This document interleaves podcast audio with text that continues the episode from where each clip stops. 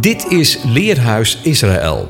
Met elke week de bespreking van een gedeelte uit de eerste vijf boeken van de Bijbel. De presentator van deze week is Anko van Molenbroek.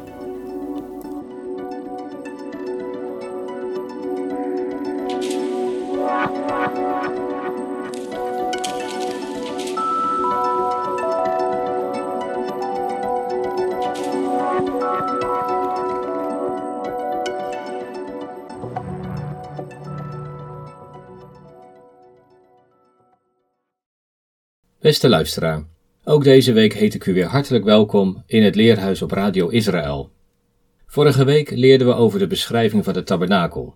Mozes ziet het ontwerp op de berg, als een soort maquette, zonder handen gemaakt. En de aardse vorm weerspiegelt de hemelse werkelijkheid. Binnen is het licht, binnen is er voedsel, binnen ruikt het lekker, binnen is het kleurrijk, binnen is het heilige binnen blinkt het goud. En zo worden al onze zinnen daar geprikkeld. En Mozes krijgt de instructies hoe hij dit aardse huis moet laten maken. Zeven toespraken die de instructies voor de bouw en de werking van de tabernakel geven. Steeds lezen we dan, verder sprak de aanwezige tot Mozes. De eerste instructie omvat parashat Truma en parashat Tetzaveh. En net als bij de schepping gaat de zevende instructie over de Shabbat. Laten we de zeven dagen van de schepping en die van de instructies eens op een rijtje zetten. Dan zien we dat deze zeven instructies corresponderen met de zeven scheppingsdagen. Op de eerste dag is er licht. En in de bouw van de tabernakel gaat het over alles tot aan het reukwerkaltaar. De scheiding tussen licht en duisternis. Dag 2 gaat over de lucht. En dan lezen we over het hefoffer, datgene dat naar de hemel wordt geheven. Dag 3 gaat over land en groen, en dan zien we de koperen zee. Dag 4, de lichamen naar de hemel. Die corresponderen met de zalfolie, want de koning is van de hemel gezalfd. Dag 5 gaat over de levende wezens in de lucht en in het water. En bij de tabernakel lezen we dan over het heilige reukwerk, datgene wat beweging brengt, wat aantrekkelijk maakt. Dag 6 gaat over de levende wezens op het, op het land en de mens. En dan lezen we over de twee bouwheren. En tenslotte, dag 7 gaat over de Shabbat. Truma en Tetzaveh betreffen dus de scheiding tussen duisternis en licht. Het licht in de duisternis. Want de dienst begint in deze parasha met het ontsteken van het licht. Zie je, die hele tabernakeldienst is het verschijnen van het licht in de duisternis. Deze week vervolgen we met parasha Tetzaveh. U zult gebieden. En deze parasha is een voortzetting van de vorige, Truma. In Truma ligt de nadruk op het heilige der heiligen. In Tetzaveh op de priesters en de dagelijkse dienst in het heilige. In Truma lezen we over Mozes. En nu gaat het over Aaron en het volk. In de vorige gaat het over het spreken van de eeuwige met Mozes. En nu gaat het over het ontmoeten. In de vorige parasha gaat het over het zijn en hier gaat het over het doen. En een zekere rabbi zegt, de gezonde psychische toestand is waar zijn aan het doen voorafgaat. Van de verbinding met jezelf ga je naar de buitenwereld om daar te doen, te handelen. Ook dat is van binnen naar buiten, van het hart naar de handen. Waar het in Truma gaat over de vrijwillige bijdragen, de contributie die wordt gevraagd, daar gaat het in Tetzaveh om het gebieden van de dienst. Tetzaveh wil zeggen, u zult gebieden. Dat komt van het werkwoord sava, bevelen, commanderen. En ook een gebod, een mitzwa, is ervan afgeleid. De eerste keer dat God iets gebiedt in het paradijs, u zult eten van al het geboomte in de hof, behalve. En ja, die tweede keer lezen we, hebt u gegeten van de boom waarvan ik u gebood? En gelukkig lezen we bij Noach dat hij deed wat God hem gebood. Kortom, als God gebiedt, dan is dat gebod bedoeld om in leven te blijven. En wie zou dat niet willen? Die bouw is vrijwillig. De dienst is voorgeschreven. Het is geen eigenwillige godsdienst, wel een vrijwillige. En zo gaan we van het willen naar het doen. En daarom staat aan het begin van de parasha Tetzaveh het ontsteken van het licht. En aan het einde lezen we over het ontsteken van het reukwerk. En daartussen lezen we de instructies over het gewaad, de wijding en het werk van de priesters. En in het volgende deel staan we stil bij het gewaad van de hoge priester. En in het laatste deel bezien we de wijding en het werk van de priesters. En we zullen in een aantal aspecten zien dat de priesters volkomen en voortdurend toegerust zijn om te doen.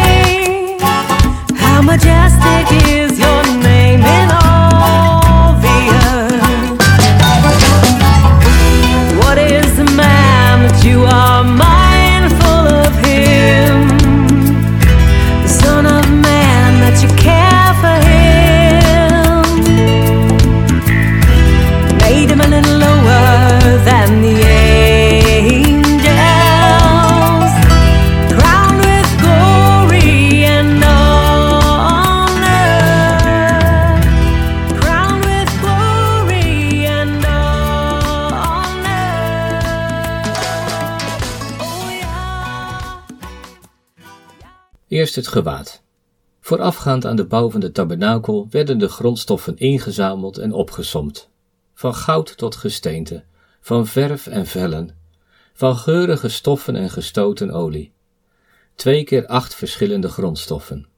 En die acht, die duidt op een nieuw begin. Mozes ontvangt vervolgens de instructies voor de constructie van de tabernakel in zeven delen, van de ark tot aan de voorhof, en de eeuwige werkt van binnen naar buiten, zodat de mens van buiten naar binnen kan. Hij komt ons tegemoet, zodat wij hem tegen kunnen komen. En daarom staat het reukwerkaltaar ook niet in het rijtje in Parashat Truma, terwijl deze wel in het heilige staat. Het is immers bedoeld om van buiten naar binnen te gaan. Wat met de mens te maken heeft, wordt door de zes aangegeven zoals zeven de volmaakte volheid verbonden is met de eeuwige. Het gewaad van de hoge priester bestaat dan ook uit zes onderdelen. We lezen Exodus 28 vers 1 tot 5. Wat u betreft, laat uw broer Aaron en zijn zonen die bij hem zijn, bij u komen uit het midden van de Israëlieten om mij als priester te dienen. Aaron en Nadab en Abihu, Eleazar en Itamar, de zonen van Aaron. Dan moet u voor uw broer Aaron geheiligde kleding maken om hem waardigheid en aanzien te geven. En u moet spreken tot allen die wijs van hart zijn, die ik met een geest van wijsheid vervuld heb, dat zij de kleding van Aaron moeten maken om hem te heiligen, zodat hij mij als priester kan dienen. Dit zijn dan de kledingstukken die zij moeten maken: een borsttas, een efot, een bovenkleed, een onderkleed van bewerkte stof, een tulband en een gordel. Zij moeten namelijk voor uw broer Aaron en voor zijn zonen geheiligde kleding maken, om mij als priester te dienen. En zij moeten daarvoor het goud en de blauwpurperen en de roodpurperen en de scharlakenwol en het fijn linnen nemen. Waarom werd Mozes eigenlijk geen hoogpriester?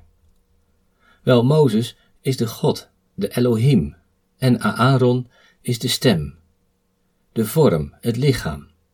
Zoals elk wezen, elke geest een lichaam nodig heeft.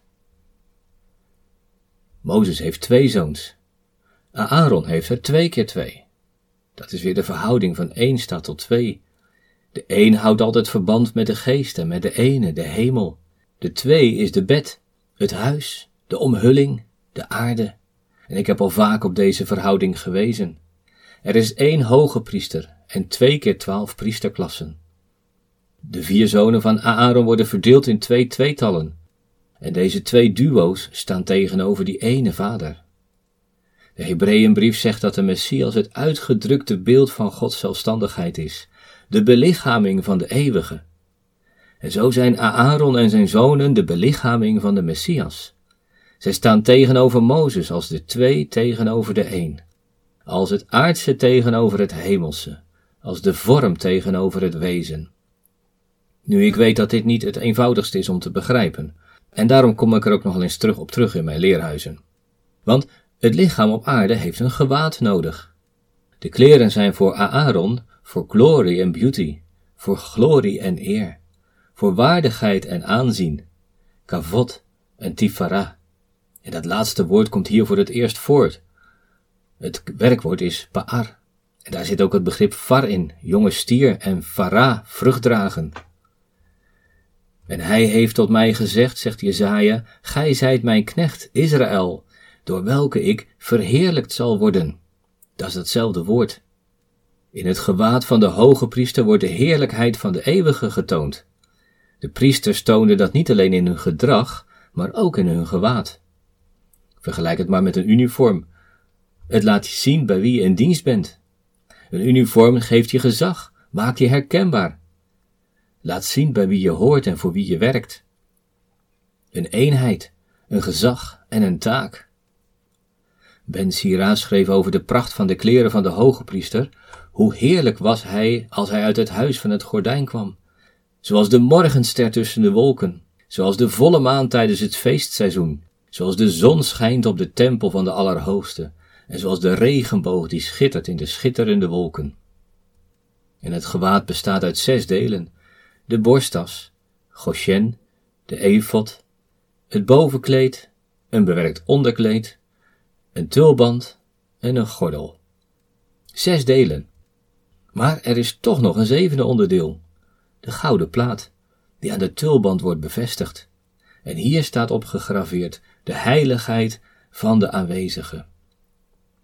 En natuurlijk hebben al deze onderdelen hun eigen betekenis.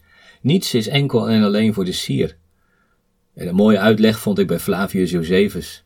Het linnen gewaad verwijst naar de aarde, zoals vlas uit de aarde groeit.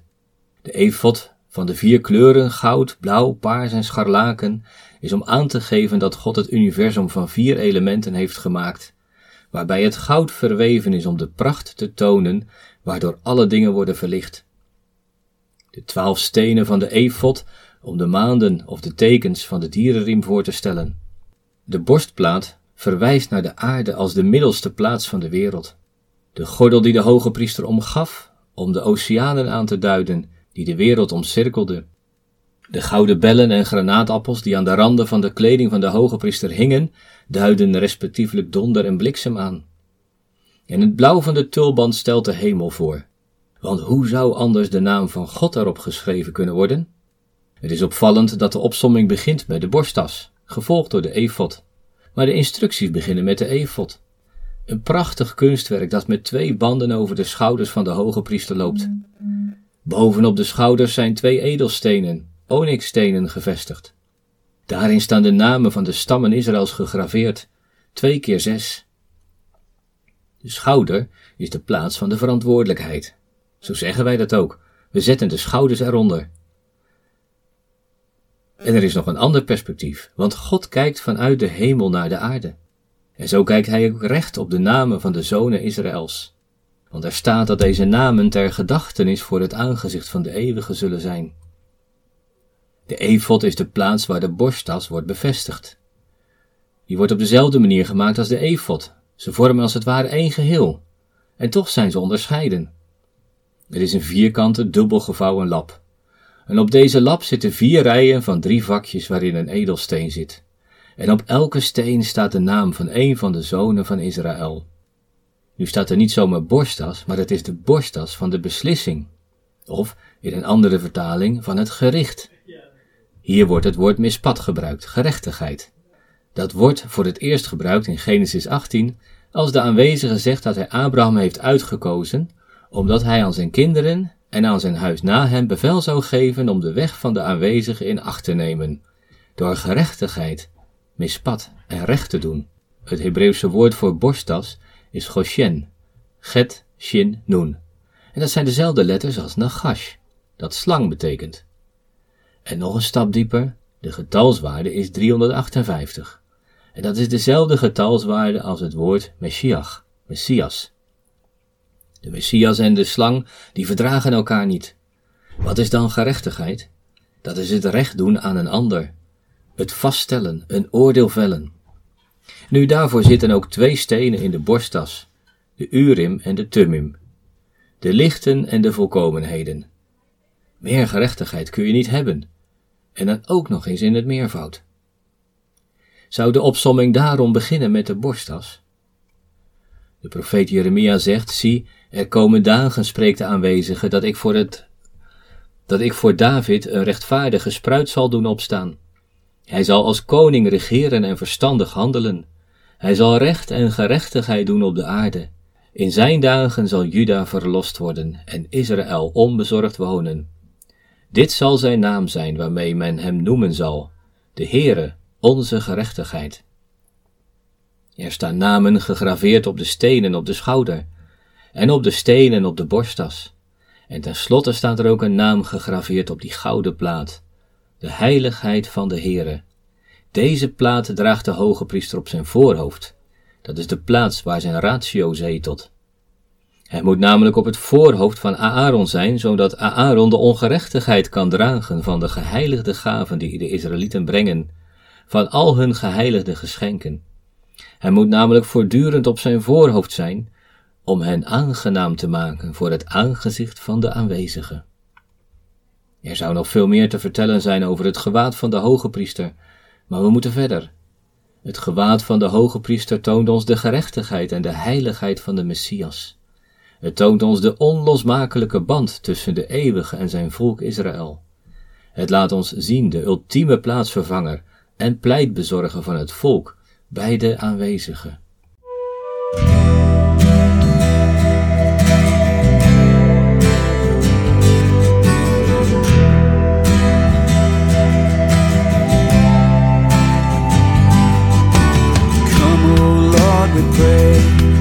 salvation to your people.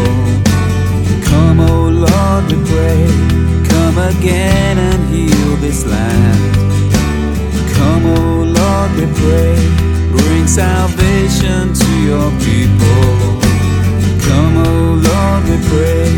Come again and heal this land. We humble ourselves to you, we pray.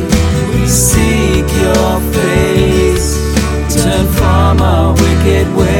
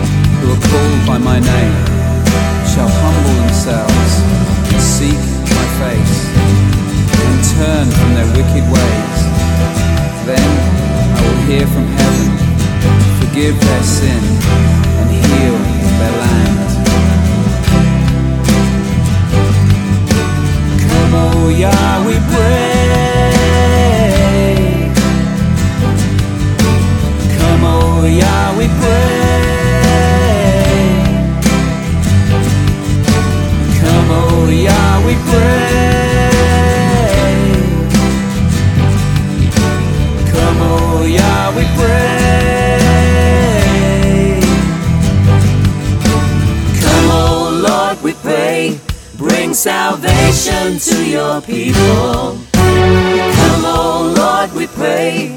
Come again and heal this land. Come, O Lord, we pray.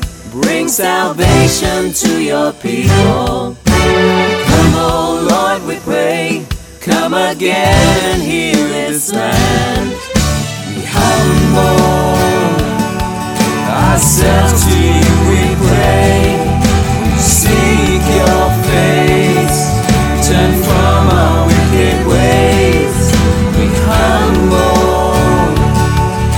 myself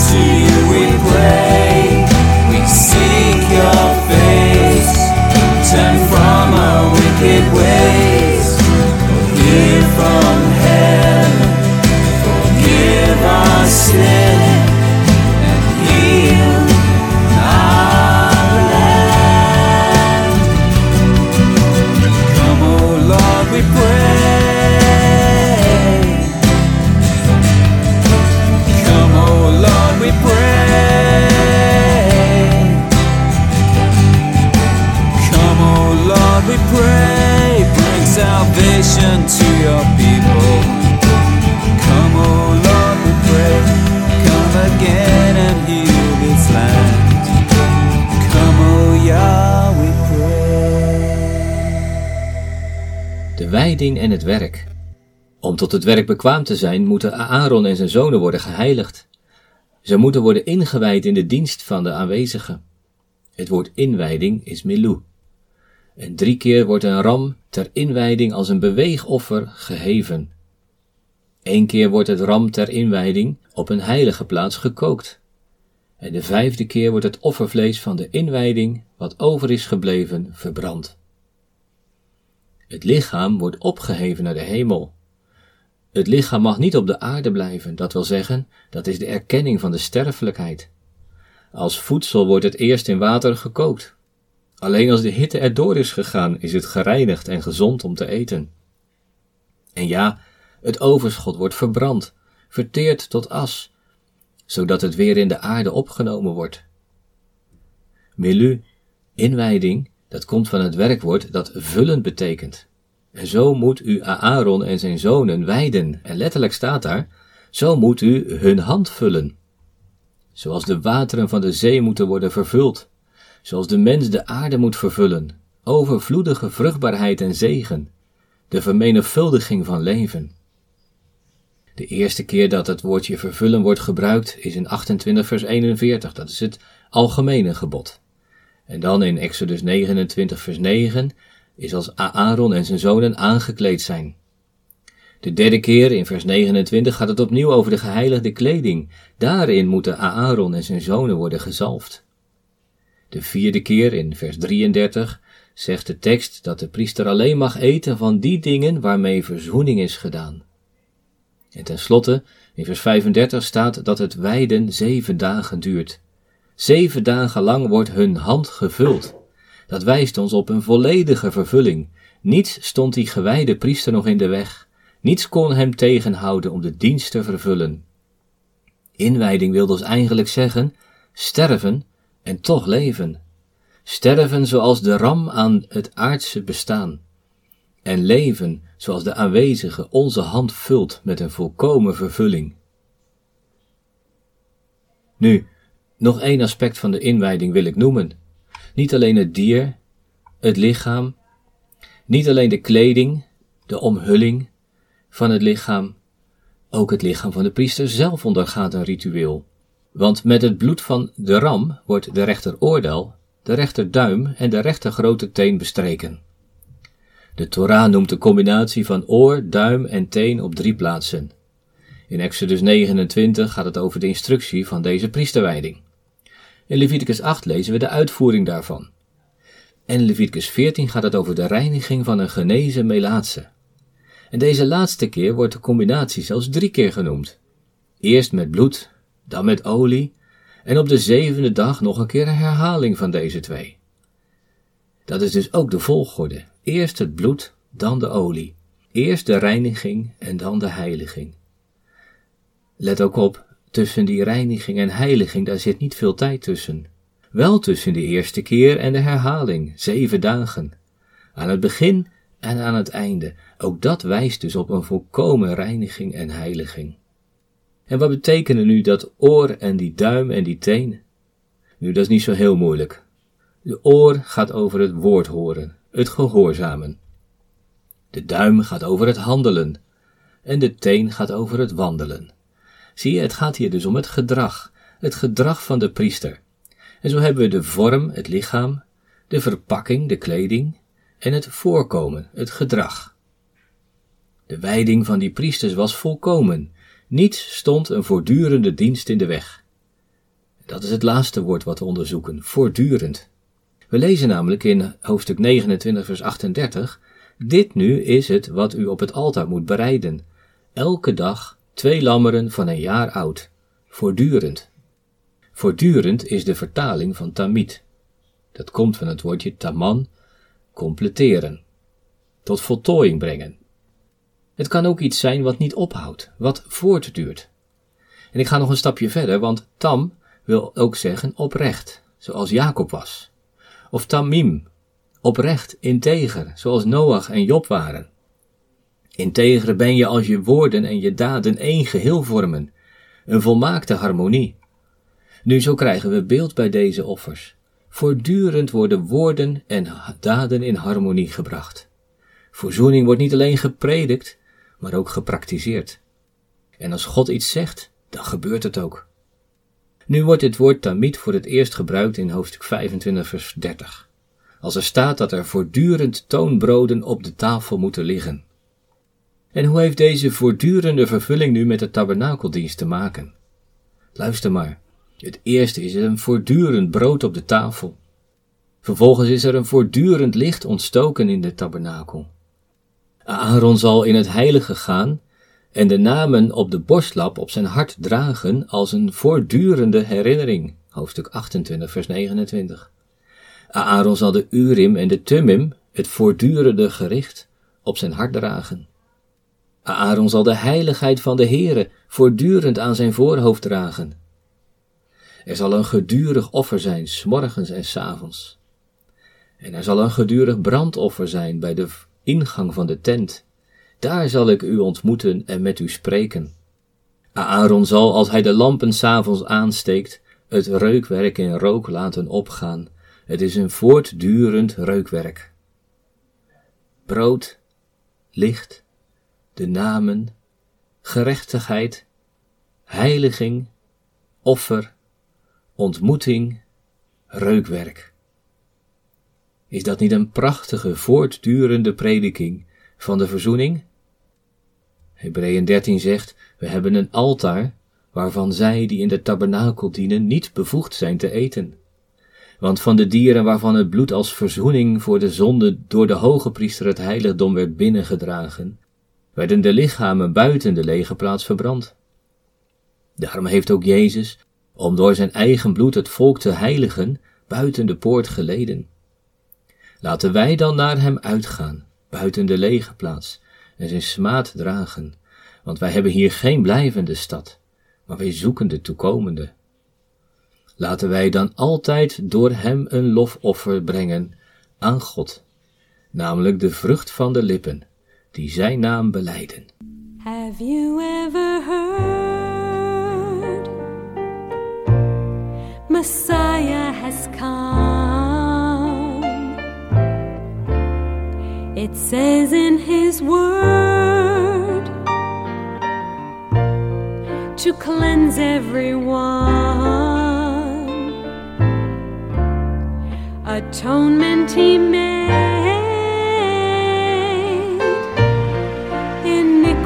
empty boy.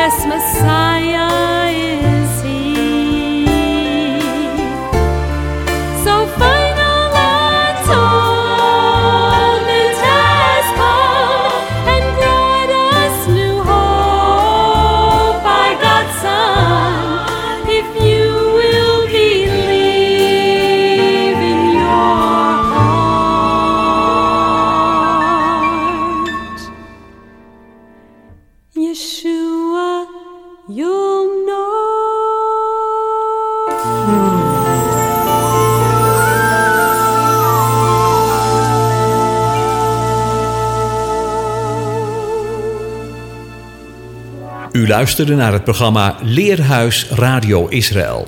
Een wekelijkse studie aan de hand van de Bijbelgedeelten die wekelijks door de Joodse gemeenschap worden gelezen. Heeft u een vraag of opmerking? Stuur dan een e-mail naar info-apenstaatje radioisrael.nl. Het leesrooster vindt u op onze website. Ga naar radioisrael.nl en klik onder het kopje radio op programma's.